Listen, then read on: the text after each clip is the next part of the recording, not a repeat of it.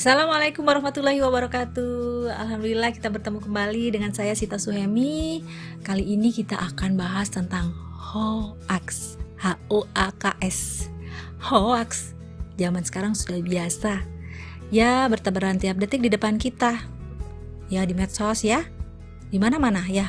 Pembuat dan penyebarnya sama sekali tidak merasa bersalah sedikit pun. Apalagi merasa berdosa ya Memang ada sih ya berita-berita hoak itu yang remeh dan tidak mengandung bahaya ya. Tapi banyak juga ya yang bisa membuat perang dan dendam tujuh turunan. Jahatnya lagi, hoak hari ini itu tidak peduli perasaan dan hancurnya nama baik seseorang. Eh, tapi ngomong-ngomong sebenarnya hoak itu sejenis apa sih? Menurut Wikipedia, hoax itu berasal dari bahasa Inggris ya. Artinya informasi yang sesungguhnya tidak benar, tetapi dibuat seolah-olah benar adanya. Lalu tujuannya apa ya?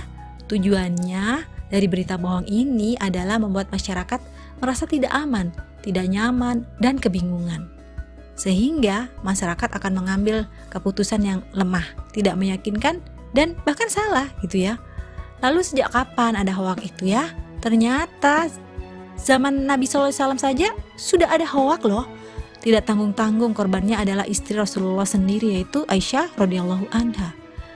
Walaupun saat itu belum ada handphone, belum ada medsos, tetap saja loh hoaxnya itu menyebar secepat hembusan angin. Bus, bus, bus, bus. Akhirnya Allah Subhanahu wa taala menurunkan surat An-Nur ayat 12 yang artinya Mengapa di waktu kamu mendengar berita bohong itu orang-orang mukmin dan mukminat tidak berbaik sangka terhadap diri mereka? Dan mengapa tidak berkata ini adalah suatu berita bohong yang nyata?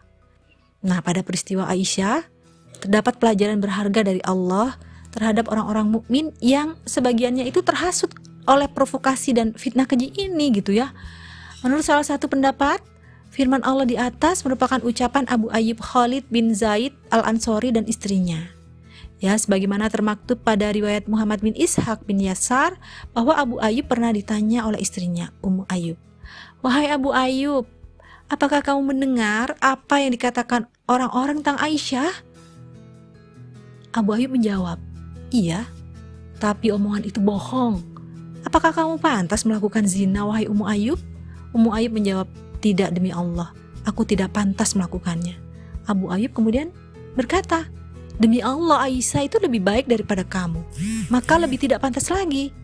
Nah ini kita dapatkan di Sahih Tafsir Ibnu Katsir juz 18 halaman 342. Begitulah seharusnya sikap kita terhadap berita hoaks harus mengedepankan prasangka baik ya sembari tabayun tentunya. Jangan mudah terprovokasi apalagi sumbernya tidak jelas ya. Kalaupun jelas nih ya, ternyata ketika kita cek sumbernya bukan orang yang bisa dipercaya ya atau institusi yang bisa dipercaya gitu ya. Nah, bagaimana jika pelaku hoax itu ternyata seseorang atau institusi yang seharusnya dia itu mengayomi rakyat, seharusnya dia itu sumber kepercayaan gitu loh. Jika hal ini terjadi, Rasul sudah berpesan ya kepada umat Islam agar tetap berpegang teguh pada Al-Quran dan Sunnah, berpegang sekuat-kuatnya, tentu sambil berupaya melakukan perubahan, yakni menegakkan institusi yang sesuai syariah Islam dan membuang institusi penyebar hoaks. Allahu a'lam. Oke, semoga bermanfaat tulisan kali ini, bahasan kita kali ini. Saya undur diri. Wassalamualaikum warahmatullahi wabarakatuh.